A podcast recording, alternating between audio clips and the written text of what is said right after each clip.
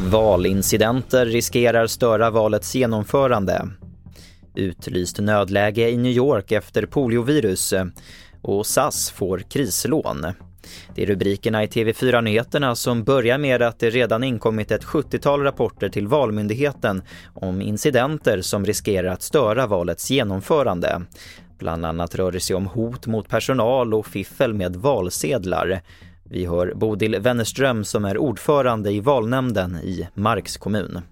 Vi har ju alltså incidenter där, där folk har tagit valsedelsbuntar och sånt. Så det är ständigt så att de som jobbar i lokalen får gå runt och titta och kontrollera så att det finns. Vad tycker du om att det ska behövas?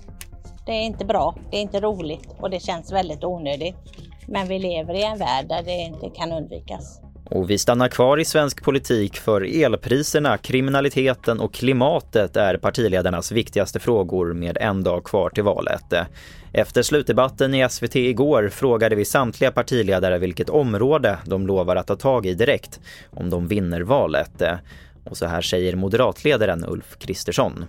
Det är att lägga om hela kriminalpolitiken, danska straff för svenska brottslingar, lägga om alltihop, brottsofferperspektiv, utvisa de som inte ska vara i Sverige, lås in de som begår grova brott. Mer om politikernas viktigaste frågor ser du på tv4.se. Delstaten New Yorks guvernör har utlyst nödläge efter att spår av poliovirus hittats i avloppsvattnet. Nyligen bekräftades det första fallet av polio på tio år i landet. Ett virus som kan leda till förlamning och död. Nödläget innebär att arbetet med vaccinering kan trappas upp och målet är en vaccinationsgrad på 90% istället för dagens 79% enligt BBC.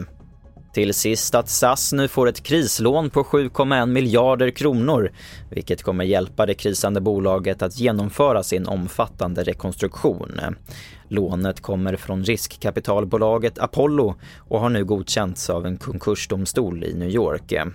Samtidigt har bolaget fortfarande inte betalat tillbaka alla norska kunder efter pilotstrejken i somras och enligt krav måste det göras innan 15 september. Och med det sätter jag punkt för TV4 Nyheterna. Jag heter Albert Hjalmers.